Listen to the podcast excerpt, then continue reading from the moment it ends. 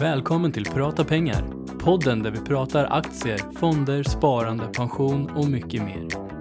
Här kommer Unga Aktiesparares VD Filip Koltze och investeraren Niklas Andersson.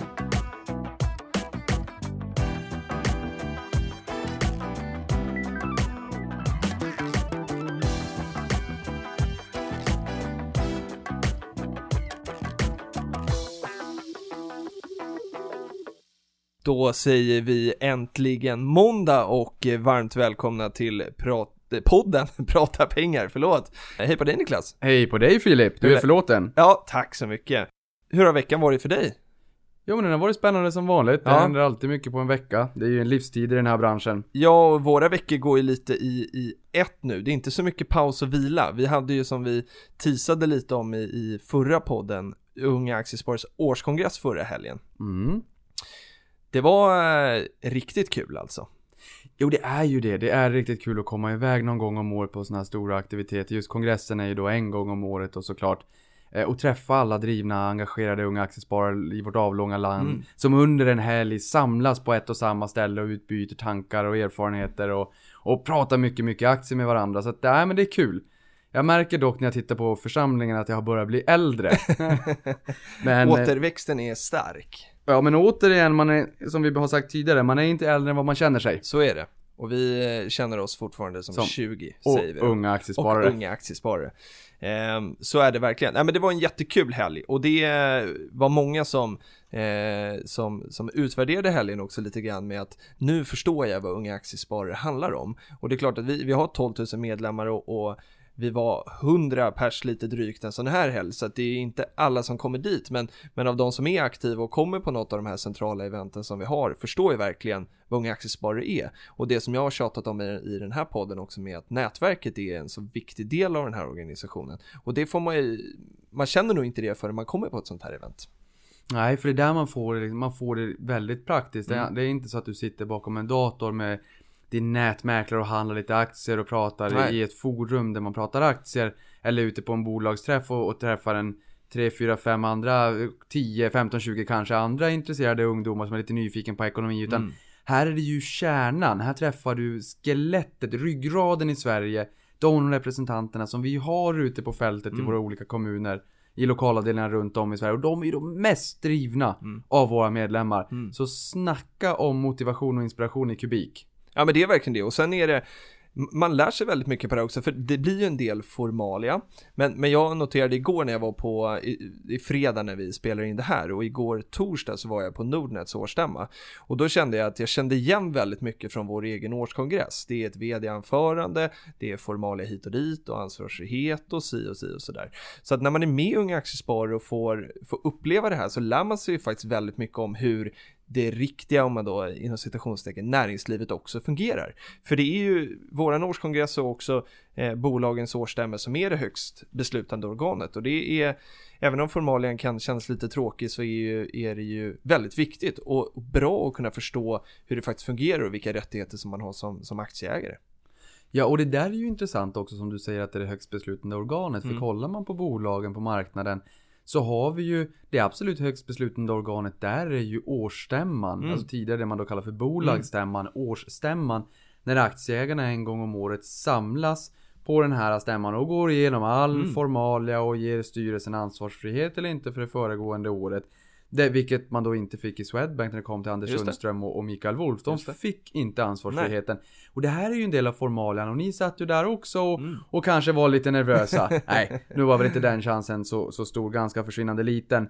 Men det är ganska nyttigt att ha sett det här förfarandet. Tittar man på bolag på aktiemarknaden då är det ju först årsstämman, Mm. det är aktieägarna. Mm. Sen har du bolagets styrelse Mm. som i sin tur skickar ner uppgifter till verkställande ledning. Mm. Styrelsen blir ju en övergripande funktion. På samma sätt som, vad ska man jämföra med? De, de tittar långsiktigt. Mål och visioner och strategi och den här övergripande stora penseldragen. Medan den verkställande ledningen i bolaget sköter mycket operativt. Den dagliga driften av bolaget och sen har vi chefer och mellanchefer och medarbetare och hela organisationen neråt. Det är bra att liksom känna till hur den strukturen ser ut. Det är det. Och ibland är det ju så att företrädarna, oavsett om det är verkställande ledning eller styrelse, inte alltid får som de vill. Nej, Som vi sa där med, med Swedbank. Det är Just ett det. väldigt färskt exempel i nutid. mm. så är det. Och där vet vi inte ens hän- egentligen vad som händer, utan det följer vi löpande. Det följer vi löpande. Men- Så att, ja, Börsen vill jag bara säga Ja, är är, är eh, upp 1,14% sen vi träffades sist i alla Mm. fall. Så att det har ju också, börsen har vi haft i ryggen. Kanske för att vi hade kongress. Så kanske det var. Ja. Unga aktiesparare eh, är Gick hem och köpte lite aktier. trenden kanske, ja men precis. Eh, vi ska också, eh, tycker jag, nu kollar jag på Patrik, hylla Patrik här idag för att han har ett enormt engagemang som kommer hit och spelar in vår podd idag med lunginflammation, har legat hemma hela veckan. Så att vi vill eh, rikta ett stort tack till dig Patrik och eh, ni lyssnare ska veta att även om det är min och Niklas röst som ni hör så är den här podden ingenting utan vår klippa Patrik Boström. Nej, jag måste, jag måste översätta det. Han, han sa tack, det är bara att han har ju ingen röst. Han har ingen röst. Så där, så, men han sa tack så att ni vet. Ja, Och, och det där är likadant som vi brukar säga, köp när det gör som ondast. Gå till Unga Aktiesparare när du mår som sämst. Det tyder på en riktig, ett riktigt engagemang och ett ordentligt driv. ja. Och det som gör det här möjligt att vi kan spela in det här till, till er som lyssnar. Så är det. Sen, eh, så att om vi säger att den här veckan nu, nu går ju veckorna ihop när det är årskongresser och aktiespararna sin årskongress imorgon, eh, så, så flyter veckorna lite ihop. Eh, jag hade en tuff grej den här veckan och jag berättade i förra podden att jag är, att jag är djurgårdare. Det var ju derby här i Stockholm i tisdags och Djurgården förlorade det här derbyt mot lokalkonkurrenten Hammarby. Eh, så, så det, var, det var min botten den här veckan, men sen, och det vill jag komma in på här nu, att den här veckan har ju inneburit mycket, mycket kärlek på Twitter och andra sociala medier. Och en av de som stack ut för mig då i alla fall var Djurgårdens högerback Stefan Karlsson som skrev att jag tycker alla ska lyssna på podden Prata pengar. Det, det hjälpte den här förlusten skulle jag säga mot Hammarby i tisdags. Ja men det, sånt där tycker jag också är roligt och det visar på, det, det har jag faktiskt också märkt att det är väldigt många sportintresserade Mm. eh, intresserade personer som, som faktiskt finns med i Twitterdjupet Mm. och uppenbarligen också som lyssnar på, på podden vilket är väldigt kul. Det är jätteroligt. Eh, och kunna värva ihop dem för att jag menar inom sportens värld så finns det ju väldigt mycket eh, aktier där också. Dels de som tittar på det här, eh, den här showen, Mm. framträdandet, de som inte springer det jobbiga loppet nere på plan.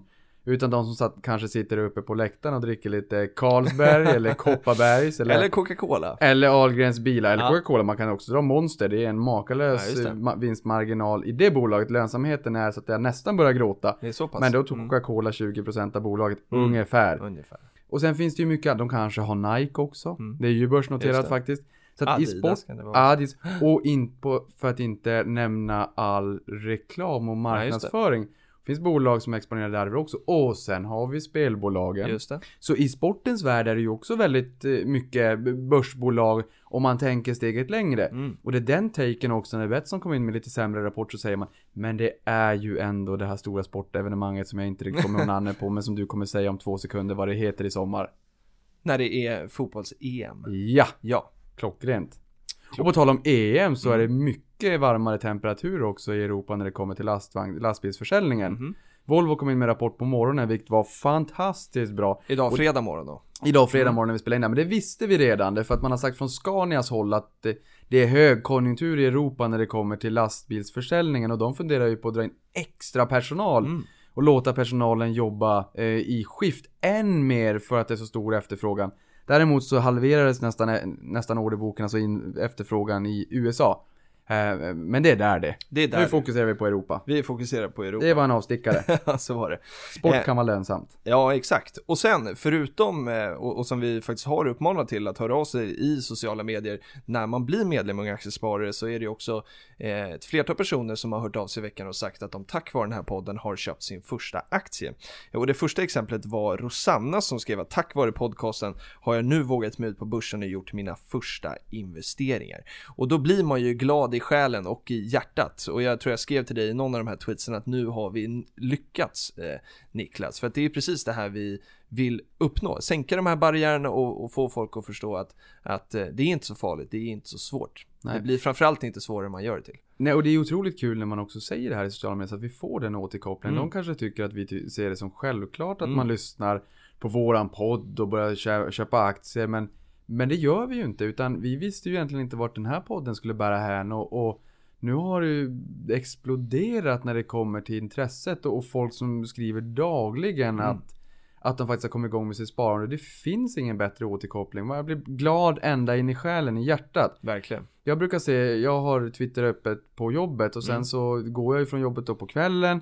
Och när jag kommer tillbaka på morgonen så brukar det vara 300-400 notiser Mm. eh, som är olästa. De är ju inte olästa för jag har läst dem under kvällen. Mm. Men man ser liksom vilket enormt tryck det har börjat bli. För där märker jag ju den hemsidan på jobbet har jag ju inte uppdaterat Nej, nej. från kvällen innan. Nej, just det. Och det är jättemånga, precis som du säger, som pratar och man nämner, eh, taggar in, pratar pengar och, och Ja men jag tycker att det känns bra. Det är roligt. Och det är otroligt kul att verkligen känna att vi har Vi har lyckats börja med att motivera och inspirera människor att komma igång med sparande och bli vd över sin egen Mm. ekonomi som vi sa i början. För det är det det handlar om. Mm. Jag blir riktigt, riktigt glad när jag ser att många vågar ta det här steget. I ett samhälle där vi inte får kunskapen. Vi har inte eh, vi har inte de förutsättningarna när det kommer till skolväsendet Nej. för att kunna ta de här besluten själv. Utan det, det, det, det krävs att man tar det klivet Mm. och faktiskt engagerar sig och lyssnar lite grann och söker upp informationen. Förutom ung privatekonomi Mm. som är ute i skolan. Och därför är det här, därför blir jag extra glad. Och det gör en jättebra övergång här för att vi fick också på Twitter från Martin Hårsmar som skrev om våra politiker verkligen bryr sig om nästa generation så borde 40 minuter hushållsekonomi införas från förskoleklass. Eh, Och här finns det ju Ung Privatekonomi, det projektet som eh, Unga Aktiesparare är med och driver, där vi utbildar 25 000 gymnasieelever varje år, där vi håller en inspirationsföreläsning. Eh, och för, de här, eh, eller för det här projektet så söker vi nu nya informatörer, sådana som ska kunna komma eh, ut i gymnasieskolorna och inspirera kring sparande. Och det finns annonser ute, man kan gå in på ungprivatekonomi.se för att hitta mer om det här. Så gå in och kika och sök till oss. Ja men det rekommenderar jag verkligen. Och i och med att det är kostnadsfritt också. Låt ung privatekonomi komma ut till, till gymnasieskolan och föreläsa. Och, eh, det är ju en ingång till att kanske få lite tips för hur man själv kommer igång. För visst är det så, när man är ute i skolan. Då får de inte marknadsföra unga aktiesparare va? Ja, Unga Aktiesparare är ju en del av det här initiativet så, att, så att på det sättet är vi med. Men det är inte det som är tanken. Det kostar ingenting för skolorna att Ung Privatekonomi kommer ut och föreläser. Eh, och, utan, och vi delar ut böcker till de som vi föreläser för och sådär. Så att det är helt, det kostar ingenting för skolorna och är helt oberoende på det sättet. Ja. Så Unga Aktiesparare är bara en av initiativtagarna bakom. Så, så det jag vill eh, trycka på med skicket där är att när Ung Privatekonomi har varit och lä- föreläst om privatekonomi att man också vet att det finns det här extra steget om man är intresserad av att komma igång med sparande, aktier och Mm. fonder. Att just unga aktiesparare finns där även om man kanske inte trycker på det i just den Nej kontexten, precis, det nej forumet. Ja, det. Men, men att man inte glömmer bort att vi finns här och välkomnar er med Mm. öppna, öppna varma armar om det är så att man vill, vill bli engagerad med oss. Verkligen. Oss. Och det är många av de här informatörerna som är engagerade i våra lokalavdelningar också. En av dem är Emil Ljung som är informatör för Ung Privatekonomi och också sitter i vår lokalavdelning i eh, Linköping. Han skrev på Twitter, fick ett mejl från en lärare nyss. Tack för att du kom till oss och föreläste. Faktum är att jag gick hem och köpte min första aktie. Också jätte, jätteroligt. När, när de här informatörerna är ute och inte bara inspirerar gymnasieungdomarna utan faktiskt också dess lärare, eh, då har de också lyckats. Så vill du vara med på den resan och, eh, och liksom bidra till att inspirera och få ännu fler att förstå att det är roligt och eh, liksom väldigt viktigt med sparande så, så sök till Ung Privatekonomi. Ja, sen har jag bara en liten sån där återkoppling här på, på vägen hit jättesnabbt. Mm. Eh, jag har en produkt som jag hade köpt på NetOnNet som har gått sönder och den skulle jag reklamera. Eh, och NetOnNet och Siba har ju tänkt att gå ihop och det finns ju tankar på att börsnotera det här och även För det är samma ägare va? Ja, Ja. och sen är det väl Resursbank som, som är Också finns i familjen på något Som sätt. också finns inom familjen precis som i Karlno Bank Mm. för Ikea. Och när jag skulle ringa in och felanmäla det här så räknade jag på telefonen hur många, hur många klick jag var tvungen att klicka på Mm. telefonen när jag ringde in och det förstår jag. Mm. Det är bra att man strukturerar upp så att samtalen kommer rätt. Men nio sifferklick för att komma till en person. Du, Det är långt. det är långt. Jag läste i, i Forbes igår där man skrev att 79% av amerikanarna Mm. i en studie är beredd att byta aktör inom en vecka om man är missnöjd med kundservicen. Mm. Jag var inte missnöjd, jag tyckte det bara tog lite längre. Var det någon specifik bransch då eller tittade man? Nej, överlag. Mm. Eh, det här ska inte tolkas som att jag var missnöjd, för det var jag inte alls. Nej. Det. Men det, det är en ganska Ja men det är intressant. Det var en ganska intressant hur, hur samhället fungerar idag. Förr i tiden var man nöjd med Mm. att man fick hjälp och nu har man som konsument så stora krav och det, det kräver en annan strategi för att behålla sina kunder. Man måste Mm. vara på tå. Så är det. Men det var en parentes. Det var en parentes. Jag ska göra ett sista inlägg på liksom, rekryteringsbiten eh, och det kommer från Aktiespararna. Eh, för Aktiespararna har ju någonting som man kallar marknadsbevakningen eh, och de söker en juridikstudent som, för ett sommarjobb. 6 till 8 veckor heltid eh, sommar som kommer nu. Annonsen kommer läggas upp på måndag när det här avsnittet kommer på Aktiespararnas hemsida. Uppgifterna då kommer vara dels att ge råd till förbundets medlemmar i sparandefrågor och det är inte råd som aktietips utan det är mer liksom skattespecifika råd och eh, andra liksom juridiska frågor. Eh, och sen kommer man också få biträda förbundets jurister. Eh, sen hälsar de också att gör man ett bra jobb så finns det möjlighet till förlängning i höst för att kunna jobba några dagar i veckan vid sidan av studierna. Eh, man ska ha läst, jag höll på att säga bör, men man ska ha läst skatterätt och associationsrätt och minst fyra terminer på juristprogrammet. Så annonsen eh, läggs upp samma dag som den här, det här avsnittet släpps. Eh, och är man juridikstudent, det är varken du eller jag Niklas. Jag har inte läst mycket juridik alls, men det är väldigt, väldigt spännande. Och hade jag varit jurist så hade jag nog sökt mig hit till Aktiespararna för just den biten med juridiken kring eh, aktiebolag och, och aktier och sparande verkar väldigt, väldigt spännande. Ja, juridik är lite grann som ekonomi. Juridik är så här å ena sidan och å andra Ja, sidan. Det är samma som Det med börsen. beror på. Det beror på. Det kan, börsen kan gå upp och den kan gå ner och det är ett psykologiskt väsen. För ni vet väl allihopa hur många nationalekonomer det tar för att byta en glödlampa? Det tar sex stycken. En som byter lampan och fem som håller allt annat lika. Ja, Nej, bra. Juridik är Nu spännande. blev det en lång eh, Hänt i veckan, men finns det, är det någonting mer du vill säga om veckan som har gått innan vi går in på dagens första fråga? Nej, men vi kan gå in på dagens första fråga. Det, det kommer mycket nyhetssvepet. Det är mycket som händer, men jag tycker att frågorna är spännande så att vi kör all in på frågorna. Då gör vi det. Då kommer första från Mikael Hollert som säger till er på hashtag prata pengar. Med återinvestera utdelningen, menar ni i respektive bolag eller just bara återinvestera den i allmänhet? Vad hade du svarat här Niklas? Nej, men jag svarar nog att portföljen är lite grann som en buffé. Ja, Alltså det är så här, man går till den här buffén och plockar på sig en massa mat, oftast för mycket. Och sen Mm. så går man tillbaka och sen så blir det liksom lite all- virrvarr. Det där är gott och det där är gott och det där är gott. Och den där, den vill jag ha. Oh, herregud vad god den ser ut. Eh, och det blir lite grann samma sak i, i portföljen. mm. Eh, när utdelningen kommer, det har sagts att det ska komma 172 miljarder kronor då på, på Stockholmsbörsen. April, eh, mars, april, maj. Mm. Vilket är högsäsongen, då trillar in massa pengar på alla Ja. depåer. Som vi då tycker att man ska återinvestera för att få den här riktiga ränta på ränta effekten Mm. över tid.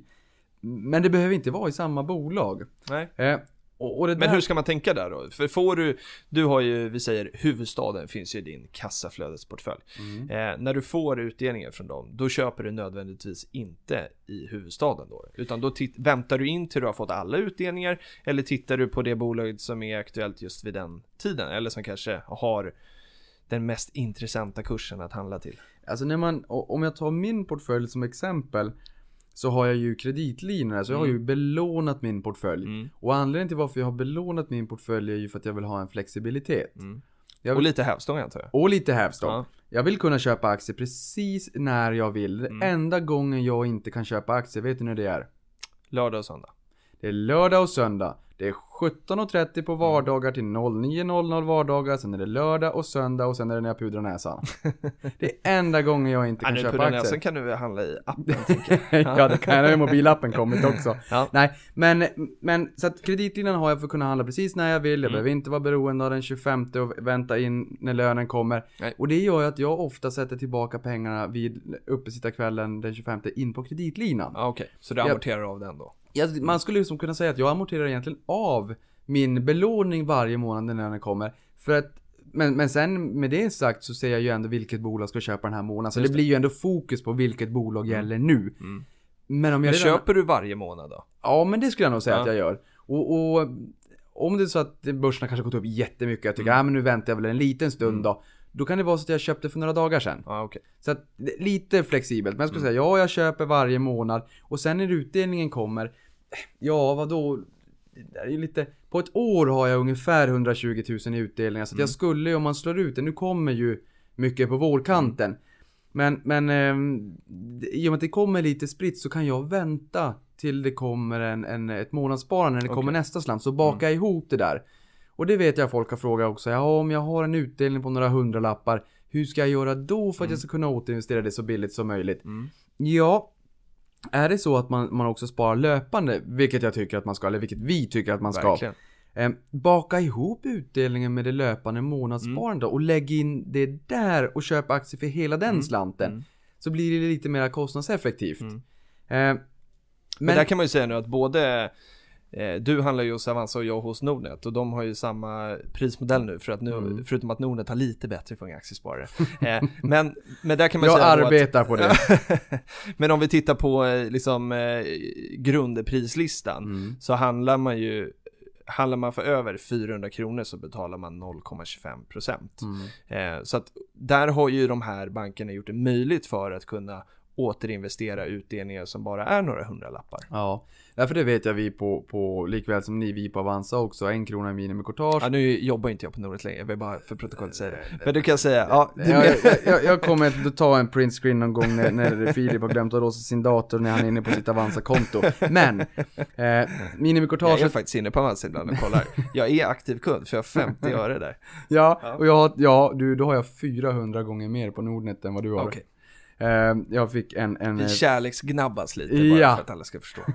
nej men, men eh, en krona upp till nästa kortageklass ligger på 39 kronor. Just det. Så där kan man säga att från en krona upp till 38,99 eller vad man ska säga. Det är upp till 15 600 kronor i minimikortage. Mm. Och för att om ni, ni är kund hos en mäklare som inte skriver vad, hur mycket man ska handla för, för vilken kortageklass som då ska bli bäst. Ja. Då kan man tänka så här. Minimikortaget, om vi tar det som exempel, det är en krona. Mm. Eh, och om vi då har ett rörligt kortage på eh, 0,25 Ja. då tar vi en krona delat på 0,0025. Ja. Och vad blir det då? Det ska jag ta fram min telefon, det är en Apple, det är alltså en, eller det är en iPhone som säljs av Apple. De har två- 12-13% marknadsandel globalt. 92-93% av alla eh, vinstkronor landar i deras plånbok. För det har jag sagt va? 12-13% marknadsandel. 92-93 öre av varje vinstkrona på hela planeten landar på Apples intäktsrad. Äh, vinstrad så att Alltså säga. i, på, på smartphone-marknaden eller? Smart på Ja, ja, smartphone-marknaden. tänkte. Smartphone, de sålde sin första smartphone 2007 och snart är de uppe i en miljard sålda smartphones. Mm. Men, Ja, det, ni gör, 400 blev det där. det ni gör, eh, ja jag tog ett delat på 0,0025 i skallen och fick det till 400 då. Inte i skallen. N- nej, Nej. Ja, okej då, ja, det har jag redan sagt då. Vi ska Ja. vara transparenta. Ja, just Ja. det. Och, och det man kan göra där då, då kan man säga så här, okej. En krona är minimikortaget Ja. och 0,25 är det rörliga. Mm. Det innebär att när kortaget, när 0,25 procentenheter är mer än en, än en krona, då Mm. Ja. börjar du kicka in eh, det rörliga kortaget Just det. Och därför tog jag en krona Mm. delat på 0,0025. Mm. Och då fick jag 400 kronor. Nu vet jag att nästa kortageklass är 39 kronor. Ja. Då tar jag 39 kronor delat på 0,0025. Och det är för att 0,0025 är 0,25. Då slår vi det här, nu vet ju jag vad det är men jag slår på miniräknaren ändå för jag tycker det känns roligt. Eh, det är 15 600 kronor. Och det betyder att handlar man för då för över 15 600 kronor i en enskild order Ja. så är det då mer värt att ha det här min 39 kortaget. Ja, Ja. för handlar du eh, eh, Ja precis, för att en kronas kortaget Brytgränsen, ja precis, det går vid 15 Mm. 600 kronor Så blir det 15 601 krona Då är det nästa kortageklass Just som gäller Så är det. Så att, och det, och det här är ganska viktigt För Ja, det, det viktigt. kan vara bra för folk att Mm, förstå Ta absolut. minimikortaget Dela det Ja. med det rörliga kortaget Mm. För man presenterar det, minimikortaget är en golvnivå för att det inte ska bli för lågt i kronor och ören Exakt. Ta minimikortaget Dela på det rörliga kortaget Så har ni brytgränsen Då är vi med. Ja. Men nu återgår vi till frågan. Okej, det var avstickare. Eh, för, för, för nå- ja, eller ja, vi kanske svarade på frågan att nödvändigtvis, nu, och nu pratar vi bara utifrån liksom personliga, och jag kan säga precis som, som du Niklas, att jag investerar inte heller direkt i det bolaget, utan jag bakar nog ihop det här med, med månadssparet, eh, eller tills jag har fått in lite fler utdelningar, och så väljer jag det bolaget som så jag tycker ser mest intressant ut i portföljen vid det tillfället. Och det är Mm. precis så det fungerar med mitt månadssparande också. Mm. Eh, jag är inte alltid konsekvent i att köpa, jag har 13 bolag till exempel i min Sverigeportfölj och jag köper inte liksom var 13 månad i varje utan det där varierar lite och från känsla och sådär från månad till månad. Jo men det blir ju lite grann som jag sagt tidigare också, den, den huvudlösa strategin. Eh, för när pengarna kommer in och säger, "Jaha, okej, nu har jag fått in pengar. Vilket bolag tror jag på just nu? Mm. Det kan vara i portföljen. Det kan vara så att man, man eh, jämför med, med barn helt enkelt. Jag har inga barn men eh, Inte jag heller. jag kan tänka mig om det är så att, att eh, pappa sitter i, i soffan där på en fredagkväll och sen kommer en av tre barn hem med en stor påse godis från Cloetta. Ja men då är ju det barnet min favorit just den kvällen. Mm. Och det kan ju vara så här, man älskar alla tre barn lika mycket, men det här barnet som gör liksom den här due diligence med Cloetta kommer den här godispåsen till soffan. Ja men han får vara min favorit just den kvällen till stängning. Sen nästa morgoncall, då, börjar står alla barn Okej. på samma lika nivå. Det var en rolig liknelse. Ja, ja. och, och, och där kan man väl säga, det är väl likadant. Om det är vissa bolag som har dragit jättemycket. Kursen har dragit jättemycket, du har fått en multipel expansion, alltså värderingen har stigit och det har inte riktigt hänt någonting i bolaget. Ja, men då kanske man, då är det som att när man går på buffé och äter jättemycket, man får ont i magen, man lägger sig på sofflocket, och så går man ihop, man, man ligger där och jäser lite. Då låter jag väl de bolagen vara lite Ja. grann. Men de här andra bolagen som inte har, har, ätit på en och en halv dag, som är urhungriga och man vet de är som vargar på den där buffén. Där och, och han vargar på buffén och kommer äta så att de expanderar, de får tillväxt runt midjan. Det är de bolagen som just nu, vilka bolag tror jag från just nu och framåt kommer gå bäst i portföljen? Just det. Och då väljer jag de bolagen istället. Mm. Eh, och både, jag tror att det finns på båda nätmäklarna, vi pratar ju egentligen bara om två här då. Då kan man ju se, hur har de gått den senaste månaden, Ja, eller senaste halvåret, Mm. eller i år? Och ett bolag som har gått riktigt dåligt och det kanske inte har hänt någonting, ja men köp där Mm. då. Så jag tänker med den här månaden, Men där är ju frågan då, ska man då, eh, brukar, du, brukar det bli så att du köper i det bolaget som har gått sämst den senaste perioden? nej, inget, inget givet sådär, det är, Nej. det är en magkänsla, det är en För det känner jag att jag tenderar att göra. Så att Ja. nu bestämde jag mig för, i veckan nu, den här veckan som har varit, så har jag fyllt på i två bolag. Mm. Både Lundbergs och Swedish Match. Mm. För att det är de bolagen som eh, på ett, ett och ett halvt års sikt har gått bäst i min portfölj. Så att, och, och jag har läst någonstans att, att eh, det fanns någon strategi om att man köper aktier och sen efter ett år så fyller man på i de som har gått bäst. Så jag tänkte nu gör jag det. Ja. Eh, och det känns ju lite jobbigare i magen för att eh, då sänker man ju den här fina avkastningen som man har fått för man köper in sig på en liten högre kurs. Mm. Men det är klart, har de gått bra så finns det väl bra förutsättningar för dem att göra det framåt också, tänker jag. Absolut, och det är inte fel att tänka så. Nej. Det är väl mer att om man, om, för jag har ju valt en portfölj av bolag som jag verkligen tror på jag kommer Mm. äga över tid. Ja. Och därför blir jag inte obekväm att ibland köpa något som har gått sämre, Nej men det är samma för mig. bättre. Nej men det är samma för mig. Men ändå det finns ju någon psykologisk faktor här som gör att det är skönare, eh, känner jag i alla fall, att köpa någonting som är minus 10% och Oh ja. sen köper jag, köper liksom snittar jag ner mig då som det så finansitt heter. Mm. Eh, än att köpa ett bolag som har gått upp 30% och så, och så köper jag på mig och så är jag nere på 25 eller 20. Ja. Ja men så är det. Mm. Och där får man se någonstans, det är som att man påtar på i trädgården, eller den här filmen Ratatouille. Det är så man står där i den här grytan, och lite cayenne och lite matlagningsgrädde och så, oh jävlar! Där åkte hela, där åkte hela cayenne-karet ner i grytan. Det här vart starkt. Alldeles för mycket fingerprint. Ja. Då måste jag ta väldigt mycket matlagningsgrädde. Jag häller i en liter Telia i den här grytan.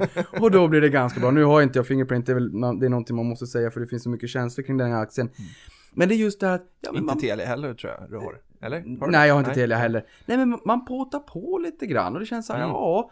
Eh, nu har eh, spelbolaget, jag har mycket i Betsson. Mm.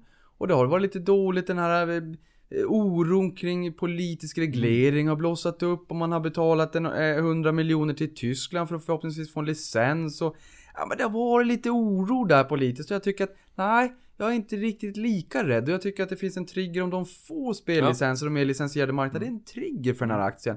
Det är inte sagt att den inte kan gå ner, fortsätta gå ner kortsiktigt, men den har gått ner ganska mycket. Mm. Där kan jag lägga ut den då, på, baserat på, på det då Ja. som har hänt den senaste tiden. Eller varför inte fastighetsbolag? Om, nu är inte det fallet just nu. Men tidigare kom det någon, eh, ny regel, egentligen förslag om att man skulle ändra beskattningen, Mm. de latenta skatteskulderna i fastighetsbolagen. Eh, Politiska inspel som gör att man ändrar Ja, spelreglerna det. för fastighetsbolagen Precis. och sen fick de en Ja. nedåtkörare. Mm. Ja men då kanske jag kör av den anledningen. Eller ett bolag som kommer med dålig rapport. Mm. Nu kommer Intrum Justitia med en bra rapport. Men Handelsbanken var ju ute och sa, precis som jag har sagt i många år, att marknaden brukar missförstå rapporten. Och de hade en intressant statistik där de säger att Intrum har sedan 2009, alltså i nästan sju år, sex och ett halvt år, Mm. gått upp 0,4% på rapportdagen Mm. för att stå på 4,4% plus en vecka senare. Ja. Det gick inte nu, den var upp som mest 13%, det var en bra rapport Mm. och marknaden tog emot den med öppna armar. Mm. Men om den skulle ha varit Ja, dålig, precis. ja, men då hade jag nog varit där och, Mm. och, och roddat lite grann. Mm. Går verkstadssektorn får- ja. ner jättemycket? Det var ett antal avsnitt sen när vi var här. Jag sa Mm. att vi ska upp 50-60% på vissa fina verkstadsbolag för att ta sig igen till de nivåer de var på tidigare. det. Ja, men då kliar det lite där. Så att det här är liksom, ja det blir lite ratatouille helt Det enkelt. är lite så, Mm. lite påta i trädgården. Ja, Bra.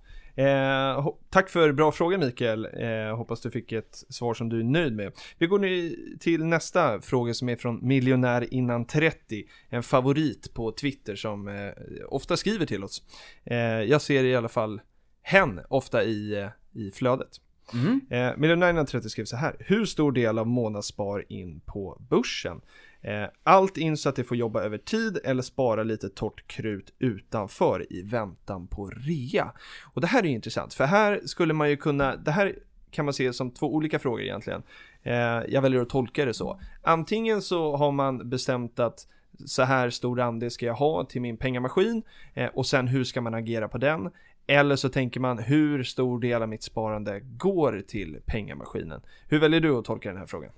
Eh, vi ska... Vi kan svara på båda. Ja, nej men det kan vi göra. Hur stor del av månadssparande in på börsen? Ja, eh, 53% nej, nu det där var en siffra jag bara tog i luften. Det Jag, kanske... jag, jag gick faktiskt och tittade på min eh, jag budget. Ja. Och så, så tog jag ut hur, hur jag gör. Och av mitt sparande, eh, som, som eh, så lägger jag in 50% i pengamaskinen. Och så lägger jag 25% till målsparande och 25% till buffert. Inte lika roligt sparande, men jag har inte nått den här buffertnivån som jag vill ha så, Mm. och som jag känner mig trygg med. Så så fort jag har nått den så kommer den 25% också gå in på börsen. Men där, den fördelningen har, har jag i alla fall.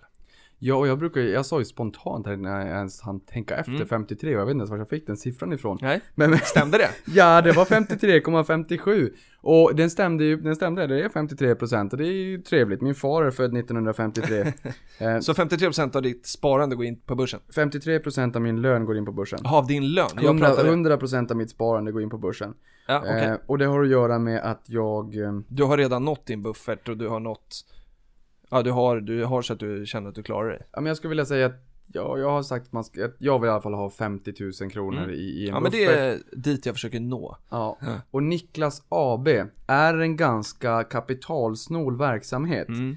Eh, Det kostar inte jättemycket pengar att driva mig. Nej. Och skulle det vara så att jag behöver pengar, peppar peppar, så finns det alltid att tillgå. Och det är ju det vi pratar om i avsnitt 10 där också, när man har Just byggt det. upp några miljoner. Det gör ju att om det värsta skulle hända så finns pengarna Ja. där, men jag vet att jag inte kommer behöva dem. Nej. Så att de får verkligen vara Mm. där och det, det gör ingenting om Nej. det går upp och ner. Eh, Men 50 000 Mm. kronor på mitt sparkonto, Mm. de 50 000 kronorna är otroligt Mm. viktiga. Mm. De är nästan lika viktiga som Joakim von Ankas en krona i pengavalvet. Ja. För det är de som är min trygghet. Mm. Det är de som möjliggör att mina pengar i portföljen kan växa över tid. Behöver inte nalla på dem. Nej, Nej. för de, de, den tryggheten, det signalvärdet Mm. att jag vet för lön in varje månad plus 50 000 Det är betydligt mer än vad det krävs för att driva Mm. eh, mig som, Mm. som eh, person. Och dina 53, jag tror att jag ligger på 10 procentenheten hu- under. Någonstans Mm. över 40, 40-45 eh, av min lön som, som är sparande då. Och så hälften av det till börsen ungefär. Och det är nog hygglig nivå, för man Ja, brukar är säga det. att 10% är Exakt, en så att jag ville bara liksom skjuta ut det och bra att du säger det för att man behöver inte känna att alltså, du och jag är ju nördar på det här, det här är vårt liksom intresse. Mm. Eh, och sen har ju vi, både du och jag också, lärt oss att hålla en kostnadskontroll. Mm. Mina föräldrar har lärt mig att det är viktigt att man ska kunna dra i handbromsen. Mm. Händer någonting så måste man kunna liksom, få bort kostnader och sådär. Eh, och det har jag liksom med mig. Men så det finns inget självändamål i att det ska vara 40-50% av lön som är sparande. Eh, det är så det ser ut för dig och mig, men de här 10% ligger man under 10% då ska man kanske tänka till och höja upp det, dra ner sina kostnader lite grann. Men ligger man från 10 så behöver man inte känna, känna någon stress. Nej men det blir så här 0% mm. det är så här, men kom, kom igen nu, kom mm. igång, det är bra att ha ett sparande nivå. 5% är ja, you're on it, ja. nu, nu är du på gång, mm. äntligen. 10% är, ja men det där är en riktigt bra nivå. Verkligen. Nu tänker du verkligen på din ekonomi mm. och, och, bygger en bra ekonomisk framtid och trygghet för dig mm. själv. Mm. Det där är klokt. 11% då börjar det bli hobby. och på våra nivåer så är det ju hobby. Det där, det där ska man också, det är viktigt att säga. Det kan vara de som tycker att hockey är roligt, ja, eh, hästsport, mm. vilket är dyrt. Eh, jag har ingen erfarenhet men jag kan tänka mig att det är väldigt dyrt. Jajamän. Det finns många andra sporter och hobby som kostar mm. mycket pengar. Mm. Och där allokerar man slantarna. Jag sparar inte 53% av den. Jag investerar, investerar för det är min ja. största hobby. Mm. Hade det inte varit det så hade man sprättat de där pengarna på vad som helst annars. Det hade mm. förmodligen inte varit sparande om jag inte hade haft det som hobby. Nej, precis. Då hade jag nog kanske legat på en 5-10%. Så men, viktigt medskick. Bra, men då har vi svarat på eh, en del av tolkningen av frågan. Den andra delen skulle då vara eh, om, man, om man ska skjuta in månadssparet varje, alltså om vi säger då det som ska till pengamaskinen. Ska man investera det varje månad på börsen eller ska man liksom alltid ha lite torrt krut ifall det kommer en sättning där det finns aktier som kan gå ner med tvåsiffrigt en dag eller börsen kan gå ner med x antal procent under en dag. Hur resonerar du där? Jag skulle säga så här, jag har ju själv löst det där genom att ha kreditlinande. Mm. Det innebär att jag har flexibiliteten och kan köpa när jag vill, hur ja. jag vill, om jag vill, förutom när börsen är stängd. Mm. Och det trivs jag med. Mm. Eh, men det gör ju också att när jag sparar varje månad så får det gå in i, i, i kreditlinjerna och amortera av det där. Yes. Och jag tycker att mm, det är så svårt att tajma marknaden. Mm. Och det ska mycket till att köpa när det gör som ondast. Det är lätt att säga att man ska köpa när det är billigt och sälja när det är dyrt. Men mm. det är otroligt svårt att göra det i praktiken. Ja. Jag gör det. Och det är för att jag påminner mig själv om mantrat liksom, Niklas, nu har du sagt det här till mm. alla du känner att du köper när det gör som ondast. Mm. Då gör, därför gör du och då. Nej, ja. nej, inte därför. Nej, men, men, det är klart att då måste jag ju göra det. Du måste leva upp till det någonstans också. Men, men också, ja. sen har jag också en historik av att tänka när det, när det faller mycket att ah, men mm. nu gör det ont och ja. nu köper jag. Sen kapslar jag in den känslan och liksom öppnar den för mig själv när, när börsen tenderar att vara riktigt sur. Och så, men du gjorde det här förra gången mm. och du såg mm. vilk, hur snabbt det kan gå upp. Förra året så tjänade jag en årslön på mm. 7,5 vecka. Mm. Det gjorde jag inte i år när börsen gick ner. Jag Nej. köpte mer och det har varit en lönsam affär. Mm. Börsen gick upp 14,8% från 11 mars till, ja. eller 11 februari till 14 mars. Just det. Det går fort i hockey. Det går fort. Så nej, jag brukar säga att jag sparar nog inget torrt krut utanför marknaden utan jag ligger fullinvesterad. Mm. Men däremot så har kreditlinjerna att mm. kangera mig, jag kan belåna mig, jag kan ta lånade pengar och mm. investera mer än 100% mm. av mina egna tillgångar. Eh, och där ska vi också bara säga att liksom innan man använder kredit så, så är det ju, man kanske inte ska börja om man aldrig handlat med aktier förut att, att skaffa sin kreditlinje. Jag har ju det precis som du. Eh, men, men det är kanske inte det första steget. Nej, det att komma igång med aktier är väl eh, klokt att lära sig det först. Och sen kan man liksom ta ett sånt steg sen om man tycker att det passar en. Men jag har jättemånga kompisar som sparar i aktier eh, och det är långt ifrån alla de som använder kreditlinjer så det är väldigt, väldigt individuellt och vad, som, vad man känner passar en själv. Ja, jag tror mer så här löpande att använda kreditlinjen i sin löpande förvaltning mm. som vi gör, det är nog, det är nog ändå ganska ovanligt för gemene man. Ja. Eh, och man ska vara, precis som vi säger, det var gyllene regel också, att man ska mm. vara försiktig med belåning. Och när man börjar och är i begynnelsen av sin investerarkarriär så, mm. så är det bättre att göra de misstagen som alla Absolut. kommer att göra med egna pengar. Och det, fördelen är ju att det är väldigt lite pengar idag i mm. förhållande mm. till vad man kommer ha i framtiden. Exakt. För att portföljen tenderar att stiga över tid. Så att nej, medskicket är var, var försiktig med belåning. Mm. Men det är ett, ett kraftfullt verktyg. Det är det. Rätt utnyttjat. Det är ju samma sak med alkohol och allt vad den ja. är.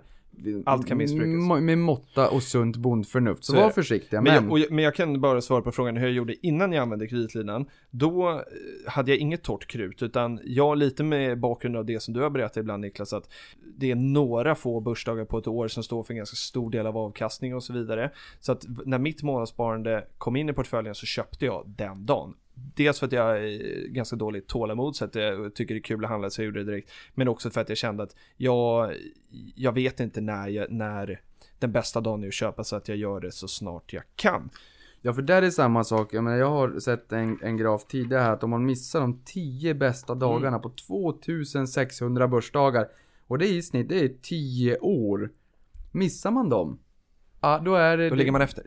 Något enormt. Nog med det. Nog nu med det. tar vi Nu kör vi. vä- värdesvepet höll jag på att säga. Det heter Nyhetssvepet. nyhetssvepet. Ja, men det kanske är lite värde. Ja, värdesvep. Kanske. Ja, vi kanske ska döpa om det. Ja. Ja, vi testar. Anders Borg, Ska vi våran träffa finans... ikväll? Ja. Ja. Vår finansmarknadsminister dessförinnan innan sittande regering. Nej, finans... Eh, inte Nej, finansmarknad. fin, fin, finansminister. Finansmarknadsminister var Peter Norman. Ja, Peter Norman. Och eh, han har faktiskt kommit in i styrelsen i Pepins.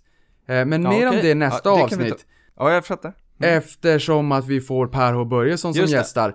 Och där tar vi gärna in frågor för Det vad ni vill ställa verkligen. till Sveriges Warren Buffett. Mm. Han kommer nästa gång.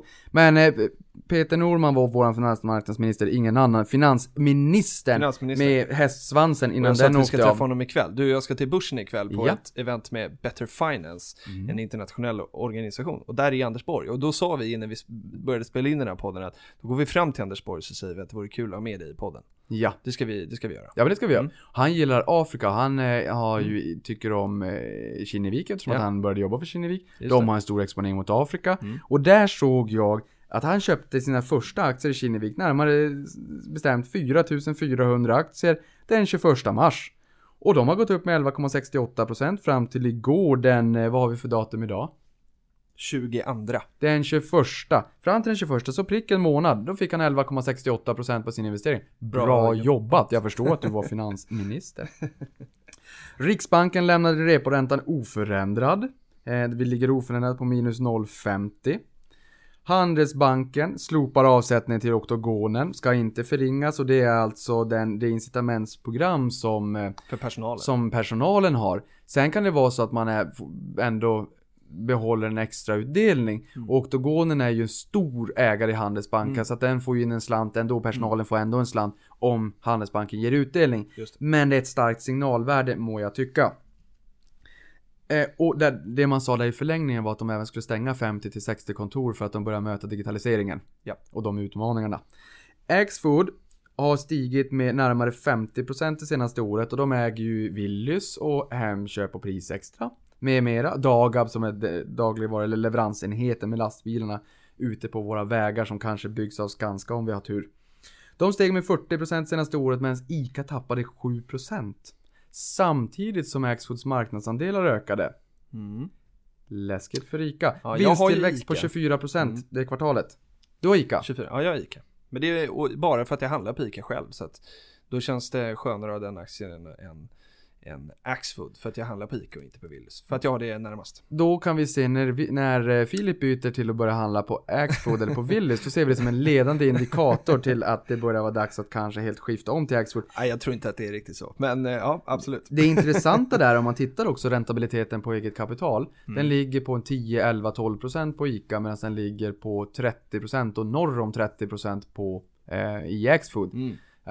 Alltså det den avkastning man får på det egna kapitalet aktieägarna har ställt bolaget en gång i tiden. Mm. Det, är ganska, det är ganska stor skillnad. Mm. Sen är det svårt att värdera de här också. Lite fastigheter och, och ICA ett konglomerat mellan olika, olika... Det är bank och det är försäkring och det är fastigheter och det är dagligvaruhandel. Men i alla fall. Ja, i alla fall. Venezuela eh, riskerar stopp i ölproduktionen på grund av brist på insatsvaror.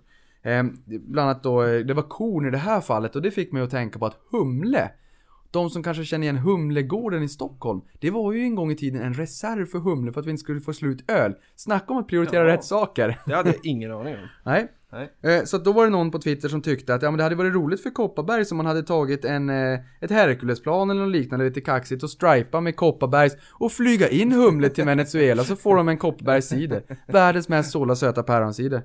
Eller någonting i, i linje med Sofiero. Ericsson kom med en kalldusch som gjorde att aktien föll 14,58% igår.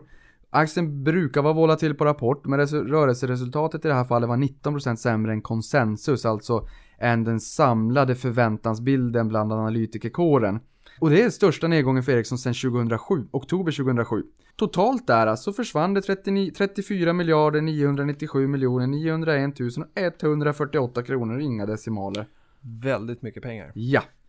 Apple uppges bygga en hemlig fabrik i Berlin för iCar. Det sägs även att de börjar plocka över folk. Ja, jag läste det. Bland annat en, en Från tidigare BMW eller vad? Nej, eller var det Mers- från Tesla och sen Från så från ett antal olika andra Okej, aktörer ja. också. Och det till och med, går till och med rykten om att de har satt ett datum för det här. Och varför inte gå till Europas starkaste ekonomi, Tyskland, som är billandet i Europa. Mm. I- Intressant. Onsdags kom Coca-Cola med dålig rapport och fick se sin aktie retireras söderut med den största dagliga nedgången på 18 månader.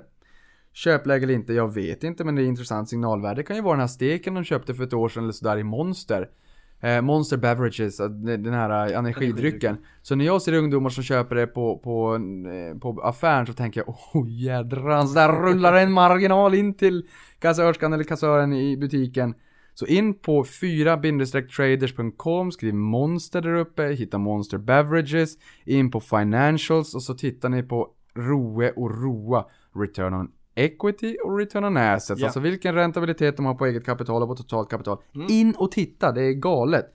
Eh, Disney hade premiär för Djungelboken och man fick se den filmen. Det blir den näst bästa aprilpremiären Jaha, någonsin. kul. Och det är inte för att, det tolkar jag inte som att det är för Disney, utan någonsin för en film under april Jaha. månad. Men en liten disclaimer där då.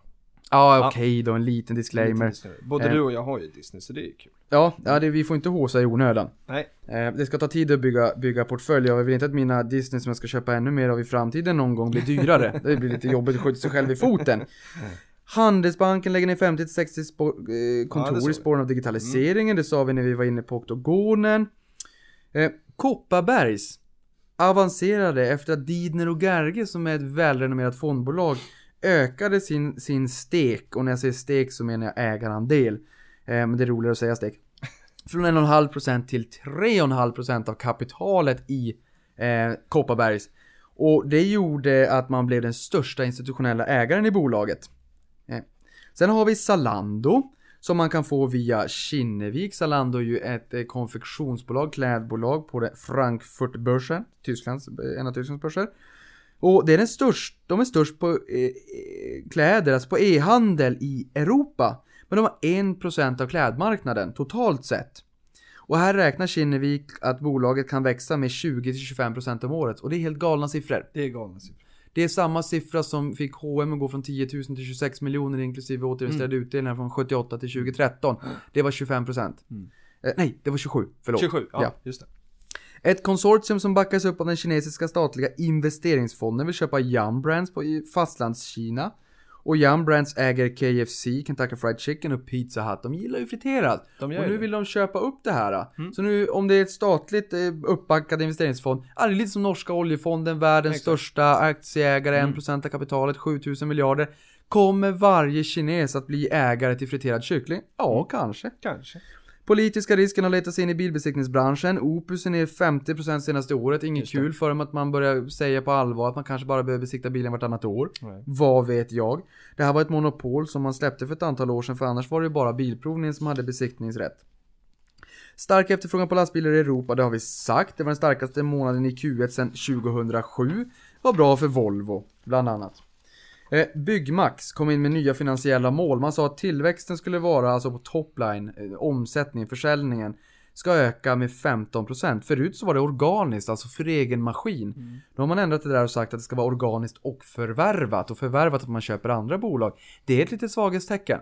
Förmodligen så är det ganska jobbigt att kanske uppnå en sån här magisk siffra som 15% för det fördubblar omsättningen vart 50 år. Det är ett kaxigt mål. Men när man då säger organiskt och förvärvat, det är ett defensivt mål. Man stryker lite på foten och sänker. Och sen sa de att marginalmålet skulle sänkas med 200 punkter, alltså 2 procentenheter. Det är ju också lite defensivt. Men inte nog med det. Man sa att det är ebitda istället för ebit. Och ebitda före av och nedskrivningar, då innebär det att förut sa man att det ska vara rörelseresultatet, målet är ju satt på ebit, alltså rörelseresultatet. Men nu säger man ebitda, då tar man rörelseresultatet och sen lägger man tillbaka avskrivningar, nedskrivningar och några andra praliner. Och det gör ju att man, man sminkar ju resultatet, man lägger ju till poster så att det blir ett större tal.